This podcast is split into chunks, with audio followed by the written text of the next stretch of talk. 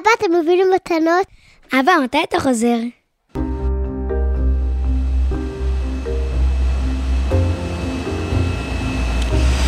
שלום לכם ותודה שאתם פה. היום יום שני, כ"ג באלול תשפ"ב, 19 באוגוסט 2022. השעה היא 11:29 בלילה, אני נמצא ברחבת טיסות האח"מים בנמל התעופה בן גוריון. ראש הממשלה יאיר לפיד ימריא מכאן בעוד זמן קצר לעצרת האו"ם בניו יורק. עבורו תהיה זו טיסה ראשונה בתפקידו זה לארצות הברית. עבורי, ובכן האמת שכבר איני יודע איזו מספר טיסה זו עם ראשי ממשלה. קוראים לי אריאל כהנא, ואני הכתב המדיני של ישראל היום. ב-13 השנים האחרונות נלוויתי לטיסות ראשי הממשלה ברחבי העולם. רובן, בתקופה הזו מטבע הדברים, היו עם בנימין נתניהו. נסיעות עם ראשי ממשלה תמיד מרתקות וסוערות. בביקור משעמם בחו"ל תמיד עשויה להתחולל דרמה. התלקחות בעזה שקטעה ביקורים בפריז ובוושינגטון כפי שקרה, תאונה שקרקעה את המטוס בפולין, קפיצה קטנה למוסקבה בדרך מארצות הברית כדי להביא ישראלית ששוחררה ממאסר, או ביקור בוושינגטון שמתארך בשתי יממות לתוך השבת בגלל קריסת הכוחות האמריקנים באפגניסטן, כפי שקרה לנפתלי בנט. ובכל זאת, במשדר הזה לא אספר לכם על משברים מדיניים או על פריצות דרך היסטוריות, ואפילו לא אכנס לפוליטיקה. בהסכת הראשון שלי, ותודה שאתם איתי, בהסכת הזה אני מבקש לקחת אתכם אל מאחורי הקלעים של מוסד טיסות ראשי הממשלה. כולנו מכירים את ההכרזות הדרמטיות של המנהיגים עם יציאתם לנכר. דגל ישראל מאחוריהם, השטיח האדום לרגליהם, מטוס אל על עומד ברקע, ונגיע אגב לכנף ציון, מטוס ראשי המדינה וגורלו אמר. על כל פנים התפאורה מוכנה והטיסה יוצאת לדרך. בוקר טוב, אני יוצא לנסיעה ראשונה כראש ממשלה. יוצא עכשיו אה, לוושינגטון לפגוש את נשיא ארצות הברית אה, ג'ו ביידן. היום אני יוצא לוושינגטון כדי להתייצב לצד נשיא אמריקני. אבל איך כל זה עובד? מי משלם על הטיסות? מי מוזמן אליהן? איך הן נראות מבפנים? והאם נכונה השמועה שפעם המטוס נחת בזמן שראש הממשלה עמד ותדרך עיתונאים במעבר? המסע שלנו מתחיל בשולחן פלסטיק קטן בקצה טרמינל 3 שבו ממתינים עובדי משרד ראש הממשלה לנושאי הטיסה המיוחדת. רוב הנוסעים בטרמינל כלל לא ישימו לב לשולחן הקטן. כמו נוסעים רגילים עלינו לבוא למקום שלוש שעות לפני מועד ההמראה. שם, בשולחן, עובדי המשרד יצמידו תגי שם בעברית ובאנגלית לתיקים שלנו. אבל מכאן ואילך תהליך ההגעה למטוס יהיה כמעט זהה לזה של כלל הנוסעים בשדה. חוץ מראש הממשלה ובני משפחתו, כולם עוברים צ'ק אין, בידוק ביטחוני ומעבר גבולות. אין פטורים. כן, גם המזכיר הצבאי של ראש הממשלה, קצין בדרגת התלוף, עומד בתור ונבדק במכונת השיקוף. מה שכן, לפעמים נלקח אל התור המהיר, ובתום התהליך הפמליה תתארח בטרקלין המלך דוד, אנחנו העיתונאים נשב כמו כל עם ישראל במרכז האוכל. אחר כך מגיע שלב העלייה למטוס, שגם הוא דומה לטיסות רגילות, בפרט אם אתם טסים לואו-קוסט. כי למטוס ראש הממשלה מגיעים באוטובוס. קצה השדה, לא הרחק מהמוסכים של אל על, בסמוך לחניית המטוסים הפרטיים, שם ימתין הבואינג שב-99% מהמקרים נחר מאל על. רק במקרים ספורים קרה שישראייר או ארקיע הטיסו את המנהיגים במטוסיהם. מה שמחזיר אותנו לתחילת הדרך, מי בעצם בחר באל על ומדוע? התשובה היא שכל טיסה של ראש ממשלה מתחילה בתיאום בין לשכתו לבין לשכת המנהיג שאותו יבקר. הם קובעים את מועד הביקור וסדריו, וכשאלה הוסכמו, תפרסם חברת ענבל, חברת הנסיעות הממשלתית, מכרז להטסת ראש הממשלה ופמלייתו. בכל נסיעה מחדש יצא מכרז כזה. מסיבות ביטחון רשאיות רק חברות ישראליות לגשת למכרז, ואל על כאמור היא הזוכה הכמעט קבועה, ולדברי בכירים בה דווקא לא גוזרת קופון, קופון שמן על הטיסות האלה, שעלות כל אחת מהן יכולה להגיע אפילו לשני מיליון שקלים. עבור אל על, כך אומרים בחברה, סמל הסטטוס של הסעת מנהיגי ישראל בעולם, ומגן דוד בזנב, הוא הסיפוק הגדול ביותר. לפעמים נדרש לערוך שינויים במטוס, לפעמים לא, הכל תלוי בדרישות המכרז, וכאן אנחנו מגיעים למיטה המפורסמת שבני הזוג נתניהו לפעמים נהנו ממנה, אם תשאלו אותי בצדק גמור. בכל מקרה, במקביל למכרז נערכות הכנות נוספות. כל מה שקשור בראש הממשלה, כולל לוח הזמנים שלו, רגיש, תמיד, בוודאי בישראל, יכול לקרות משבר של הרגע האחרון שיגרום לביטול הביקור, כלומר יכולת תקרית דיפלומטית. לכן לשכת ראש הממשלה תודיע רשמית על הביקור בתזמון המאוחר ביותר שניתן מבחינה לוגיסטית, שבוע או אפילו ימים ספורים לפני הטיסה עצמה. רק אז תצא הודעה רשמית למערכות התקשורת ותוצע להן האפשרות לצרף כתבים לטיסה. ולא, אין טיסות חינם. ענבל מתמחרת את עלות הכרטיסים בטיסות ראש הממשלה, אמנם בהנחה מסוימת, אבל בדרך כלל בעלות לא רחוקה מאשר טיסה מסחרית רגילה לא הייתה מתרחשת באותה עת ובאותו קו. קחו בחשבון שלראש הממשלה יש בימי שגרה טיסה פעם בחודשיים בממוצע, אולי אפילו יותר. לפעמים מדובר בטיסות ליעדים חריגים או מרוחקים, ולכן עבור מערכות התקשורת, שיגור כתבים לטיסות ראשי הממשלה, ובכן מדובר בתוספת תקציב של אלפי דולרים בכל שנה, ולא לכולם יש את המשאבים הנדרשים לכך. ואגב, בטיסות האלה אפשר להצטרף לכיוון אחד, או אפילו להגיע עצמאית למקום שבו יבקר ראש הממשלה או להצטרף שם אל הפמליה. גם על המלון שבו נתארח אנחנו העיתונאים, גם עליו נשלם, בין אם ראש הממשלה שוהה באותו מלון ובין אם לא, ובקיצור מדובר כאמור בהרבה כסף, ולכן גם כלי תקשורת גדולים שולחים צוותים רזים ככל האפשר לטיסות האלה. כמעט כל הערוצים הסתפקו באדם אחד, עיתונאי שהוא גם המקליט והוא גם הצלם, שלפעמים מבקש עזרה מחברים. לעיתים רחוקות, במיוחד באירועים גדולים, שולחים שני אנשים שיתפעלו את הצוות, ואת זה עושים רק הטלוויזיות. ציוויה מרק, רכזת תקשורת ודוברות במשרד ראש הממשלה, מטפלת כבר שבע שנים ומצטרפת לנסיעות ראש הממשלה. לפני שנדבר, ציוויה, על הרגשות שלך והחוויות שלך, בבקשה תשתפי את, ה, את המאזינים שלנו, תשתפי אותי, איך זה בעצם נראה מהצד שלכם, ברגע שטיסה עומדת לצאת לדרך, יש המון הכנות לוגיסטיות, יש הכנות של הביקור עצמו, איך זה נראה מהזווית שלכם? אוקיי, okay, אז uh, קודם כל כמובן יש את ההחלטה המדינית של uh, ראש הממשלה לנסוע לנקודה מסוימת, ליעד מסוים. Uh, אנחנו אצלנו מתארגנים גם ברמת ה... uh, הרגע הנכון שבו אנחנו יכולים להודיע על uh, עצם הנסיעה, uh, ואז בעקבות ההודעה אנחנו מזמינים אתכם, את התקשורת, לרישום, מכינים אצלנו את, ה, את הרקע ה, של התוכן שהולך לצאת החוצה בהמשך במהלך הביקור או לקראת... כל נסיעה זה אותו דבר או שכל נסיעה זה בפני עצמה? כל נסיעה זה בפני עצמה. אין בכלל מה להשוות, כל נסיעה זה חוויה. בעיניי זה מרגש כל פעם מחדש, וזה לא דומה אחד לשני. למה בעצם? כי את יודעת, תיארת איזשהו נוהל, את, את עושה בכל, בכל נסיעה את אותו נוהל, אז למה זה מרגש?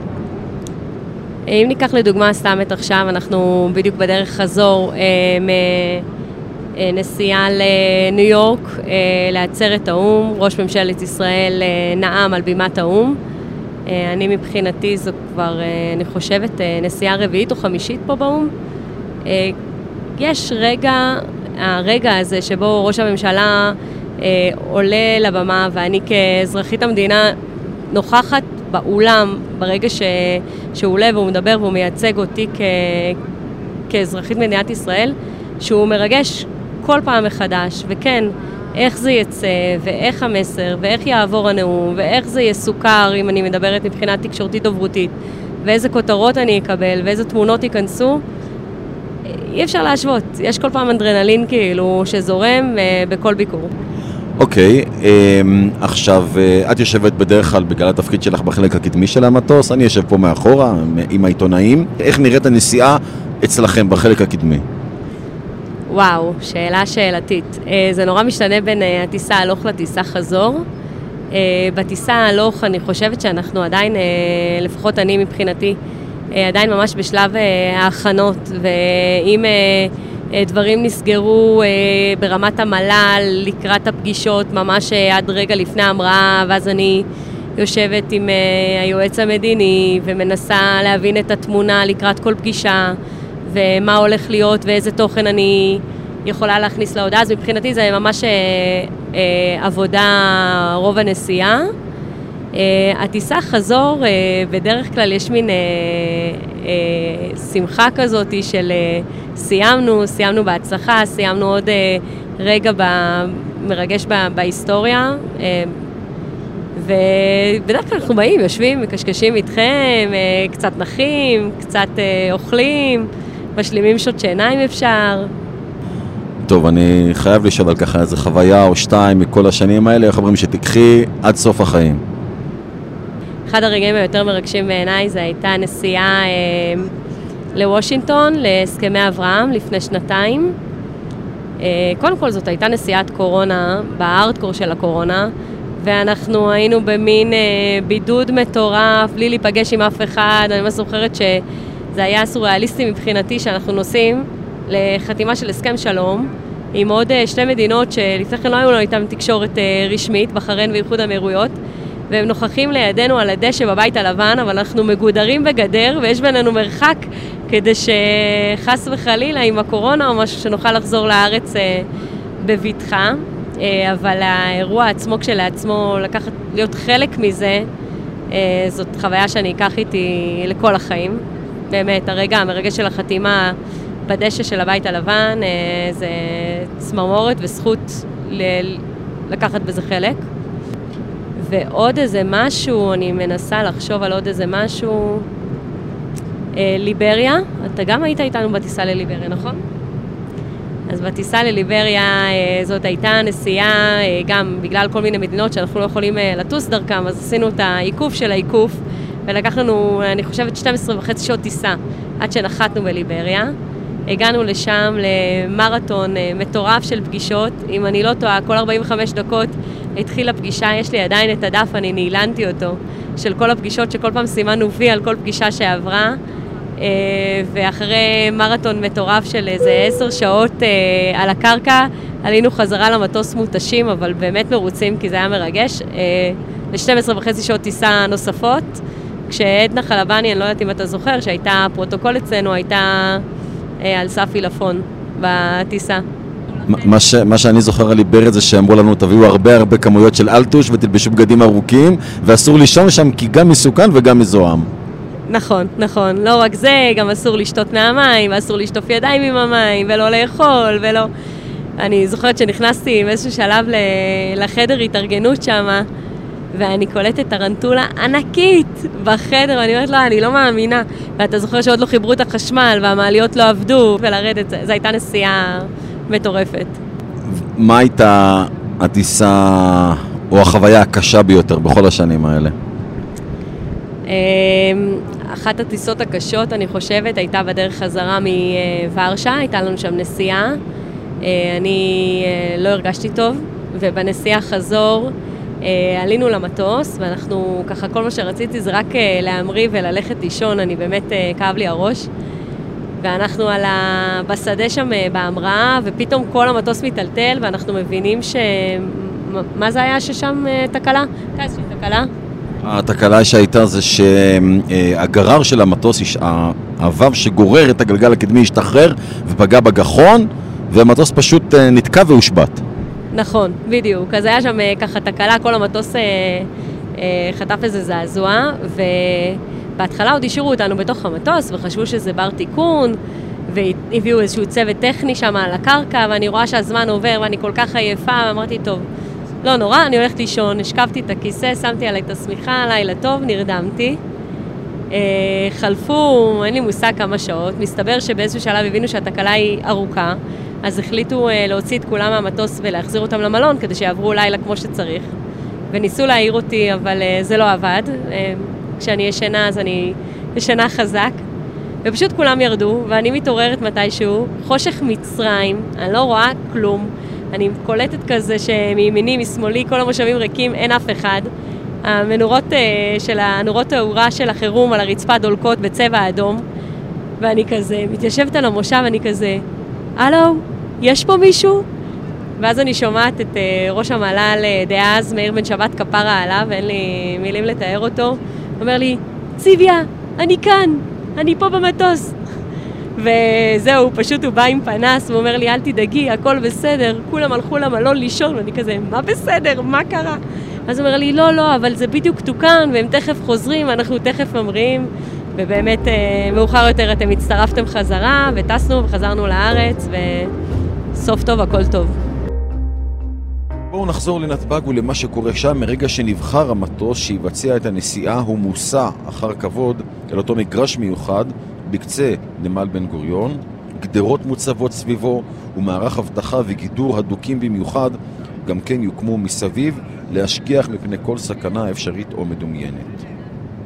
כשהכנת המטוס תושלם, עובדי רשות שדות התעופה יפרסו שטיח אדום למרגלותיו ומישהו מהם גם יביא כמה דגלים בעגלות סופרמרקט מדובר אחרי הכל בישראל. כשעה לפני ההמראה תתחיל העלייה למטוס. העיתונאים, המאבטחים והפמליה בסדר הזה. אחרון חביב יגיע ראש הממשלה עצמו, ולקראת הגעתו אנחנו העיתונאים נרד מהמטוס בחזרה, במדרגות האחוריות, רק בהן נרד, כדי להתקשקש בינינו, כדי להקליט דיווחים למערכות, אבל בעיקר כדי לחכות להצהרת ראש הממשלה. והאיש, ביבי, בנט, לפיד, או מי שלא יבוא, יצא מהרכב. בין הדוברים והמאבטחים שלו תמיד יתפתח ויכוח קטן היכן בדיוק הוא יעמוד ויאמר את דבריו לאומה רגע לפני שהוא עולה למטוס לנסיעה ההיסטורית התורנית. בדרך כלל, כדי להתחמק משאלות שלנו העיתונאים, הוא פשוט לא יענה. המטרה היא אגב גם לשלוט בסדר היום. עם סיום הטקס הידוע מראש, שלפיד אגב בפעמיים האחרונות ויתר עליו, אבל נראה לאן זה ילך. ובכן, בסיום ההצהרה נשוב כולנו ונעלה למטוס, והפעם באופן סופי. ראש הממשלה, מאבטחים שלו ואנשים שלו במדרגות הקדמיות, ואנחנו העיתונאים שוב במדרגות האחוריות, וזה גם הכלל לכל אורך הטיסה. הראש ופמלייתו יושבים במחלקת העסקים, ביזנס, והאזור אסור לכניסה עבור העיתונאי, אלא אם כן קיבל הזמנה מיוחדת, ממש כמו בחצר המלך אחשוורוש. עכשיו כשכולם בבטן המטוס אפשר לצאת לדרך. אנחנו נשלח דיווחים אחרונים למערכות ונאסוף עדכונים אפילו כשהמטוס באוויר עד שתתנתק הקליטה. גם דוברי ראש הממשלה ישלחו הודעה לכלי התקשורת על כך שהוא יוצא לחו"ל וזה לטובת אותם כלי תקשורת שלא שלחו נציג לטיסה. על כל פנים, הטיסה שהמספר שלה מופיע בדרך כלל בלוח ההמראות של נתב"ג כמו נסיעה שגרתית, ובכן סוף סוף היא תצא לדרך. אבל לא מדובר בטיסה רגילה. מספר הנוסעים פה קטן מאוד. עכשיו למשל, בבואינג 777 שלוקח אותנו לניו יורק ואחר כך גם יחזיר אותנו, יש עשרות שורות פנויות לחלוטין. אין שום בעיה להשתרע על שלושה מושבים ולשכב, לישון כמעט כמו בבית. גם למזוודות, כאן, באזור הנוסעים, יש לנו מקום בשפע. בדרך חזרה לארץ כבר יהיה פחות פנוי, והסיבה לכך היא שרבים מאוד מחברי המשלחת יצאו ליעד לפנינו. מדובר בעשרות מאבטחים בצוות הלוגיסטי והטכנולוגי של משרד ראש הממשלה שמכינים עבורו את התשתית במקום שבו ישהה וגם במה שנקרא המקדים, כלומר משלחת קטנה מטעם משרד ראש הממשלה שיצאה ליעד כדי להכין את הביקור ולתפור אותו עד לפרטים הזעירים ביותר. כי ראש ממשלת ישראל, אולי אינכם יודעים, ובכן ראש ממשלת ישראל הוא האישיות המאובטחת ביותר בעולם אחרי נשיא ארצות הברית. כך שגם מסיבות ביטחון, אבל גם כדי למנוע מבוכות, תקריות לא נעימות ותמונות בלתי הולמות, מי שמכינים את הביקור של ראש הממשלה יעשו הכל כדי שלא להשאיר שום פרט ליד המקרה. כל תיאום עם המדינה המארחת, כל מקום שאליו יגיע הראש, כל במה שעליה יעמוד, כל דלת שדרכה ייכנס וכל מסדרון שדרכו יעבור. פעמים רבות יהיו זה דווקא המטבח או כניסה צדדית אחרת, אבל כולם כולם ייבדקו מראש בנוכחות פיזית של הצוות המקדים ושל המאבטחים מספר ימים מראש. גם תכנון הלו"ז ייעשה ברמה של דקות עד כמה שהדבר ניתן, כי זמן ראש הממשלה כפי שאמר לי פעם אחד הרל"שים של נתניהו, הוא המשאב היקר ביותר. בכל מקרה, ההכנה המדוקדקת תאפשר בזמן אמת לכוון את המנהיג בדיוק לאן ללכת ואיפה לעבור. אבל נחזור לטיסה שלנו אל המטוס הכמעט ריק, כמובן שבתנאים האלה הטיסה נוחה ונעימה הרבה יותר. כולנו, כלל הנוסעים, מקבלים מצוות הדיילים שירות אדיב במיוחד, כולל ערכת נוחות או כוס קפה מתי שנבקש. מתפתחות שיחות פוליטיות או אחרות, כמו שאולי אתם יכולים לשמוע ברקע. יש אגב דיילים של אל על שינסו לפעמים לחמוק מטיסת ראש הממשלה שהם לא כל כך אוהבים, אבל ככלל, כך כולם אומרים פה, הטיסות עם ראשי הממשלה באשר הן, הן עבורם כבוד גדול. היה שייכת לטוס איתם היום יורק ומאחלים לכבוד ראש הממשלה הצלחה בשיחות ובייצוג אותנו נאמנה כפי שהוא עושה עד עכשיו. מאחל לכם טיסה נהדרת וטובה ואני מעביר את רשות הדיבור למאיה, מנהלת השירות בטיסה. תודה רבה. כבוד ראש הממשלה ופמלייתו, חברת אל על מאחלת לכבוד ראש הממשלה ופמלייתו טיסה נעימה. תראה, טיסת ראש הממשלה היא שונה מאחר ואתה מרגיש חלק מהשליחות. למרות שאתה לא בדיוק בתוך העסק, אתה ליד העסק. וכל מה שקורה בטיסה בעצם משפיע. אתה יודע שכל מה שיקרה בה יבוא לידי ביטוי במדיה, ואתה צריך לנהוג טיפה אחרת. זה לא שאנחנו מתנהגים יותר אחראי, פחות אחראי, או אחרת מקצועית. אנחנו תמיד משתדלים להיות הכי מקצועיים שאנחנו. אבל יש איזושהי תכונה באוויר כזאת, איזה מין דבר מה נוסף, שגורם לטיסה הזאת להיראות אחרת ומתנהלים בה אחרת החל מהצבא, ואני מציב את הטייסים האלה, אני מנהל הצי. אז החל מהצבא בבחירת האנשים כדי לדעת שזה לא מישהו שהוא פחות מתאים, ועד לחלוקה של הטיסה, חלוקת מנוחות וכאלה, והתכוננות קדימה לכל, מזגי אוויר, ולראות את הנתיב, ולדעת איפה חונים, וזה משהו שהוא אחר, הוא קצת יותר חיל האווירי מאשר טיסה אזרחית רגילה פרסה. אבל באיזה עוד היבטים טכניים, מעשיים, אתה, אתה, אתם עושים משהו שונה, שבאמת לא, לא קיים בקו מסחרי רגיל? לשיקולי דלק למשל, הרבה יותר ספיירים על מנת לתת מענה למקרים ותגובות למיניהם. לא טסים יותר מהר? היום נדמה לי שאנחנו טיפה מיהרנו. היום יפה ששמת לב, היום אנחנו קצת מיהרנו, כי הבן שלי יאיר לפיד מתחתן, והוא אמר, אמר לי שים רגל על הגז, אז אמרנו שנשים רגל על הגז בשבילו. אצלכם, הטייסים, בכלל הצוות של אל על, איך מתייחסים לטיסות האלה של ראשי הממשלה באשר הם? זה נחשב לצ'ופר. זאת אומרת, מי שטס את הטיסה הזאת, הוא יודע שהוא נבחר, וזה נחשב לו לצ'ופר, למשהו שהוא... אה, הנה, למשל, יש איתנו עכשיו טייס שלא מגיע מחיל אוויר, טייס אזרח, שהוא מאוד התרגש מהפוטו-אופ שיש לו מראש הממשלה יאיר לפיד. למשל, בדרך לניו יורק, ידענו שהוא הולך לנאום באו"ם. אז המחשבה הזאת לטוס באזורים שאין בהם קפיצות, על מנת שהוא יוכל לישון כמו שצריך ויגיע רענן לפגישות עם כל מיני ראשי מדינות למיניהם, זה משהו שעבר לנו בראש. אתה אומר, אוקיי, שווה שנלך מפה או משם, כי אתה מאוד לא רוצה שהוא יגיע עייף. אתה רוצה שהוא יגיע רענן. אז זה נשמע קצת מוזר שאתה נותן את הדעת לדבר הזה, אבל זה מתבקש, כי אתה רואה את המטרה הסופית. הוא נוסע לשם על מנת לעבוד, הוא לא נוסע לשם על מנת לבלות כמונו.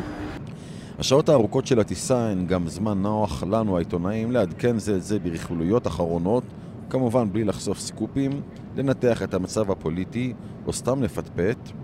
כן, על אף התחרות המקצועית והיריבות האישית, שתמיד נמצאים ברקע, למרות זאת יש קשרי ידידות ארוכי שנים בינינו, הכתבים הקבועים של התחום המדיני. בואו נאמר שהפכנו למועדון הנושא המתמיד של ראשי הממשלה. גם לראש הממשלה ולאנשיו הטיסות הן זמן הפוגה מהאינטנסיביות בארץ, הוא ואנשיו, תתפלאו לשמוע, מנותקי קשר בזמן הטיסה. כלומר, אם ברגעים האלה שאני מקליט את הפודקאסט, מתרחש עכשיו בארץ אירוע ביטחוני, לפיד לא ידע עליו, או שידע באיחור גדול, כשמישהו במשרד שלו יתקשר לטלפון הלווייני המיושן שמוצמד לדופן המטוס, הטלפון לא תמיד עובד, לא תמיד קולט, ותוכן השיחות שלו לא תמיד ברור. הבעיה הזו נפתרה במטוס ראשי המדינה, כנף ציון.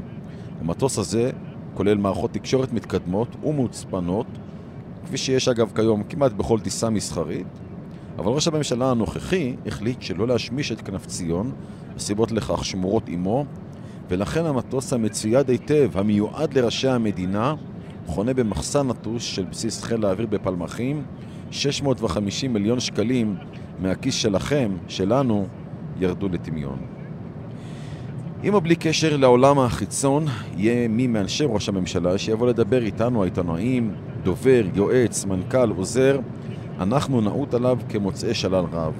לפעמים תהיה זו סתם שיחת מה נשמע, לפעמים תדרוך מסודר שבו אותו נציג יעדכן אותנו בפרט מסוים לקראת הביקור או לאחריו, ולפעמים עבורנו יהיה זה רגע השיא, ובכן לפעמים יבוא ראש הממשלה בכבודו ובעצמו לסכם את הביקור או לומר דבר מה שחשוב לנו לדעת, לדעתו, לקראת הנסיעה החשובה.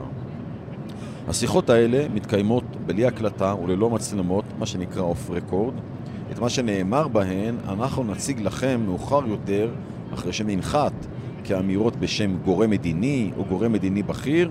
כן, אתם יכולים לנחש במי מדובר, אף על פי שלא תמיד גורם מדיני בכיר הוא תמיד ראש הממשלה.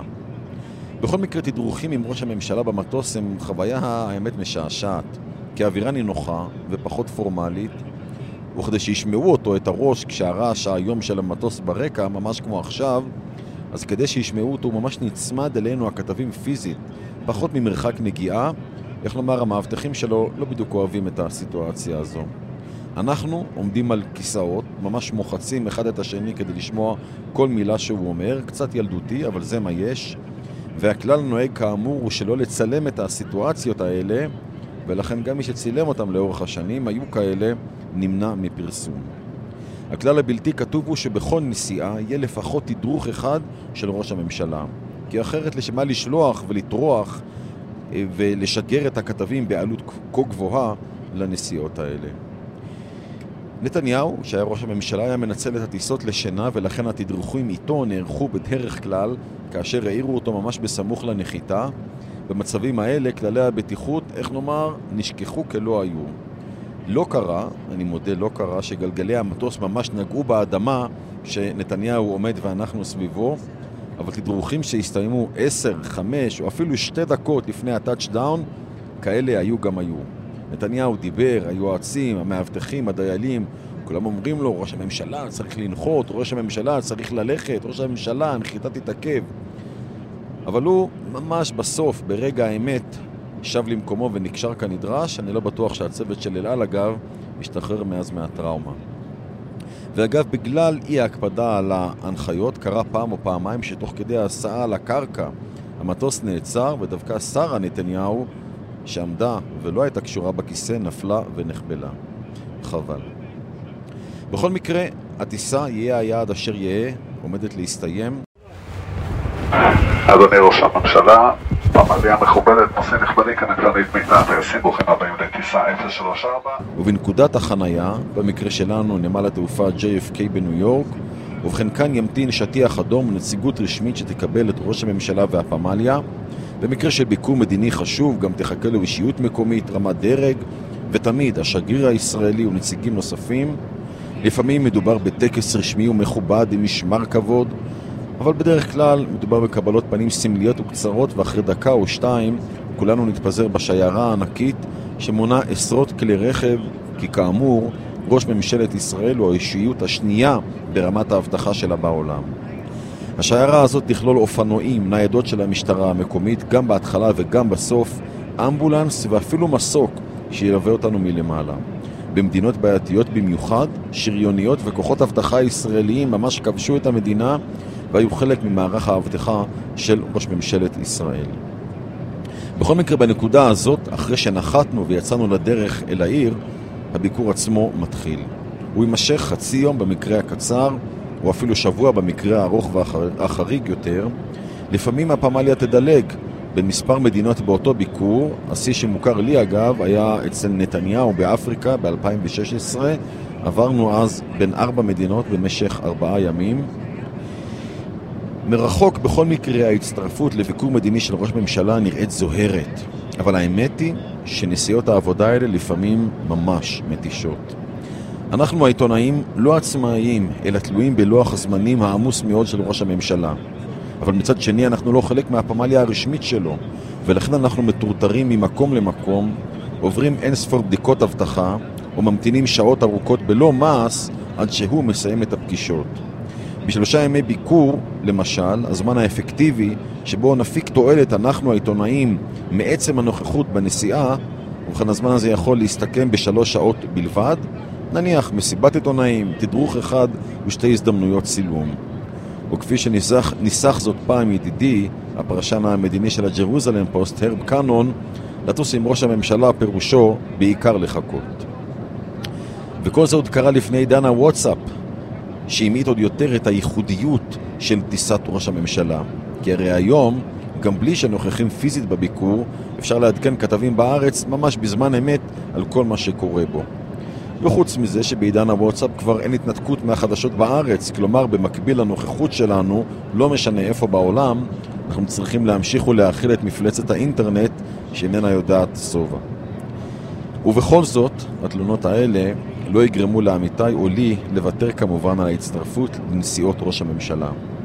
כי בסוף כל נסיעה עם ראש ממשלה, גם אחרי כל כך הרבה שנים ועשרות נסיעות, ובכן כל נסיעה תהיה תמיד שונה מקודמתה ותמיד יכולות להיות בה הפתעות.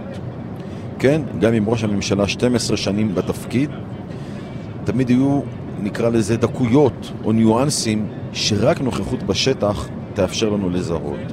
וחוץ מזה, אני חושב שעוד לא נולד העיתונאי שהתנגד לטוס לאיפשהו בעולם, בטח אם מדובר בטיסה על חשבון המערכת.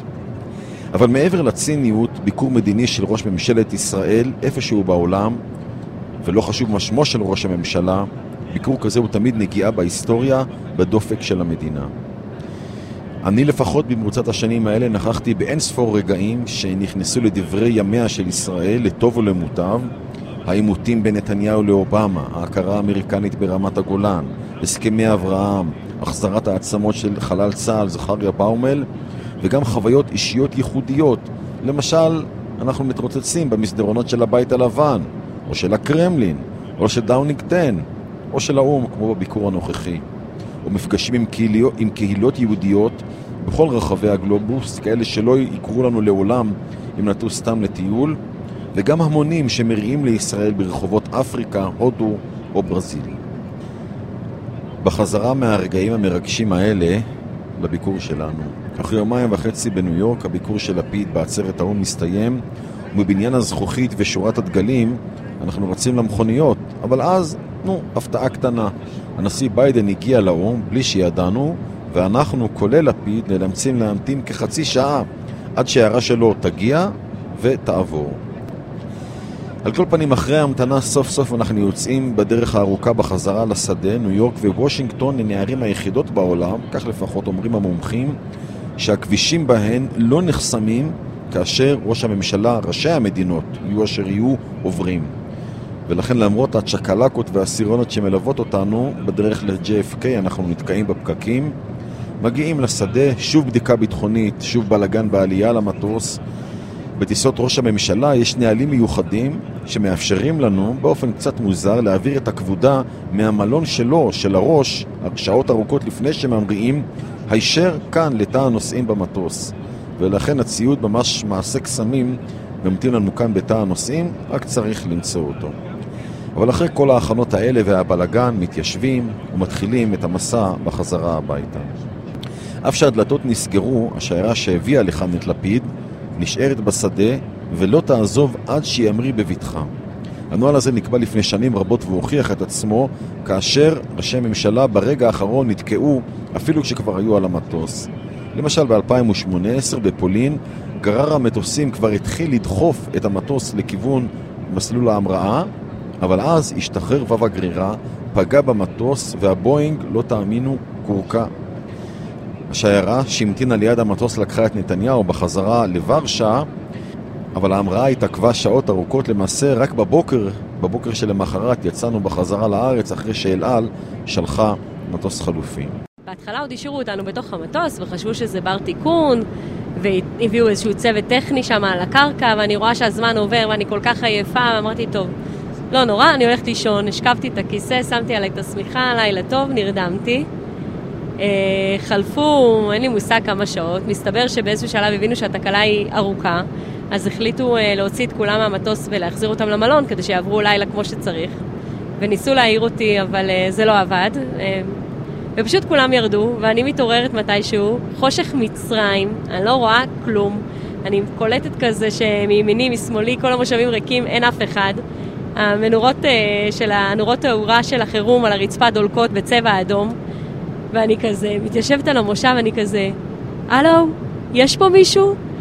ואז אני שומעת את uh, ראש המל"ל uh, דאז, מאיר בן שבת כפרה עליו, אין לי מילים לתאר אותו. אומר לי, ציוויה, אני כאן, אני פה במטוס. וזהו, פשוט הוא בא עם פנס, הוא אומר לי, אל תדאגי, הכל בסדר. כאן בניו יורק, הכל עבר בשלום, ואני מקליט את החלק הזה של הפודקאסט כאשר אנחנו בחזרה לארץ. וכשעולים בח... בחזרה למטוס, וזה תמיד קורה, האדרנלין של כולם יורד. המאבטחים מסירים את החליפות המצוידות ושוכבים לנוח. אחרי שבוע מתוח, החיוכים עולים על פניהם. כמעט כל הנושאים, האמת שגם ראשי הממשלה עוברים מקוד הלבוש הרשמי לפיג'מה או לבגדים קלים. האווירה, כמו שאפשר לשמוע ברקע, נינוחה, מדברים, מעבירים חוויות, עד לנחיתה בארץ, עד לנסיעה הבאה. שתהיה שנה טובה לכולם ותהנו עם המשפחות שלכם ותנוחו קצת כי מגיע לכם, כי היו שלושה ימים באמת לחוצים ובאמת אפקטיביים, עשינו טוב למדינת ישראל ולעם ישראל ועכשיו כולם הגיע הזמן ללכת למשפחות, אז שנה טובה לכולם. זה היה כמובן קולו של אה, ראש הממשלה יאיר לפיד עם חזרתנו לארץ. בכך מגיע לסיומו ההסכת הראשון שלנו, שעסק במוסד טיסות ראשי הממשלה. אני מקווה שהנעמתי את זמנכם, ואתם יותר ממוזמנים להגיב או לשאול על כל מה שנאמר כאן. כתובת הדואל שלי היא אריק 3000 at gmail.com, a-r-i-k 3000 שטרודל gmail.com. אפשר ליצור קשר גם בכל דרך אחרת, ברשתות החברתיות וכן הלאה. תודה רבה לכל מי שהיה שותף לפודקאסט הזה, לצוות הדוברות של משרד ראש הממשלה ולדובר ראש הממשלה רועי קונקול, לחברת אל על, הסמנכ"ל שלומי שלום, למנהלת הטיסה מאיה רביב ולקפטן אייל רובין שהתראיין לתוכנית ושמעתם קודם לכן. תודה לאנשי מחלקת ההסכתים של ישראל היום. וכמובן, תודה רבה לכם שהייתם איתי. ניפגש, אם ירצה השם, בתוכנית הבאה, שתיקח אותנו גם היא למרומים, אבל באופנים טיפה אחרים. אני הייתי אריאל כהנא, שלום ולהתראות.